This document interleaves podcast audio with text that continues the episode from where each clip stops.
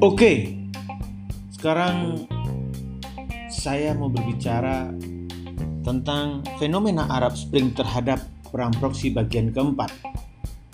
Sebuah contoh menarik adalah bagaimana Taliban di Afghanistan menjadi kekuatan penyeimbang di tengah-tengah proksi Barat dan Rusia.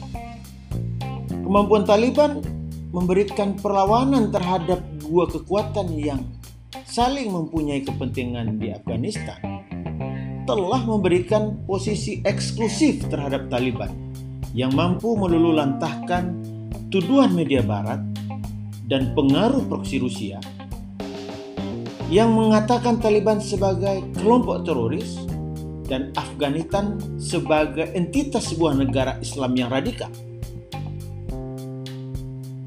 Kantor berita Al Jazeera yang mempublikasikan Usama bin Laden dan Dr. Ayman Al-Zawahiri sebagai bentuk proksi yang soft telah menjadi monster dalam operasi militer Amerika di Afghanistan. Media sosial seperti Facebook contohnya, Twitter, Instagram, dan YouTube menjadi alat propaganda dan sekaligus alat penetrasi informasi untuk mengacaukan strategi pihak-pihak berkepentingan dan mendorong proses perubahan di berbagai negara di Timur Tengah.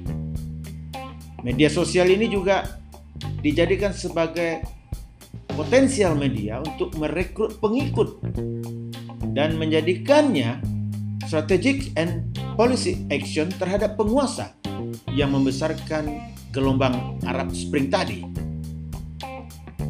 Nah, kalau saya lihat transformasi di bidang informasi yang terjadi di Timur Tengah ini dalam tataran politik telah menciptakan apa yang dikenal sebagai political community yaitu sekumpulan manusia yang di antara anggotanya diikat dalam satu kesamaan simbol saling bekerja sama untuk merealisasikan tujuan mereka.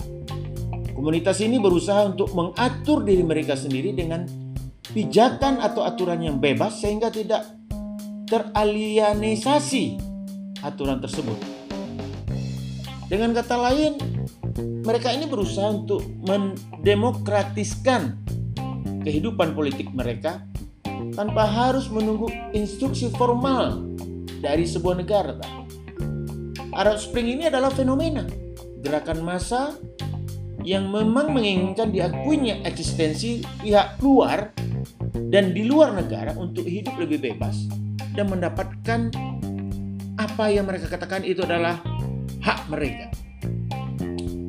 Nah, gerakan-gerakan Islam di berbagai negara tadi menginginkan perubahan politik seperti Ikhwanul Muslimin di Mesir, An-Nahda di Tunisia, Al-Islah di Yaman, Hamas di Palestina dan Hezbollah di Lebanon yang, yang besar dan tumbuh berada di luar koridor negara. Gerakan-gerakan ini memiliki disiplin organisasi yang mengikat anggotanya bahkan secara institusi formal negara mengalami kesulitan mengendalikan mereka. Kanul Muslimin contohnya. Walaupun organisasi ini ditetapkan sebagai organisasi terlarang di Mesir sejak era Gamal Abdul Nasser tahun 50-an. Namun pada kenyataannya Al-Ikhwan tetap eksis hingga saat ini.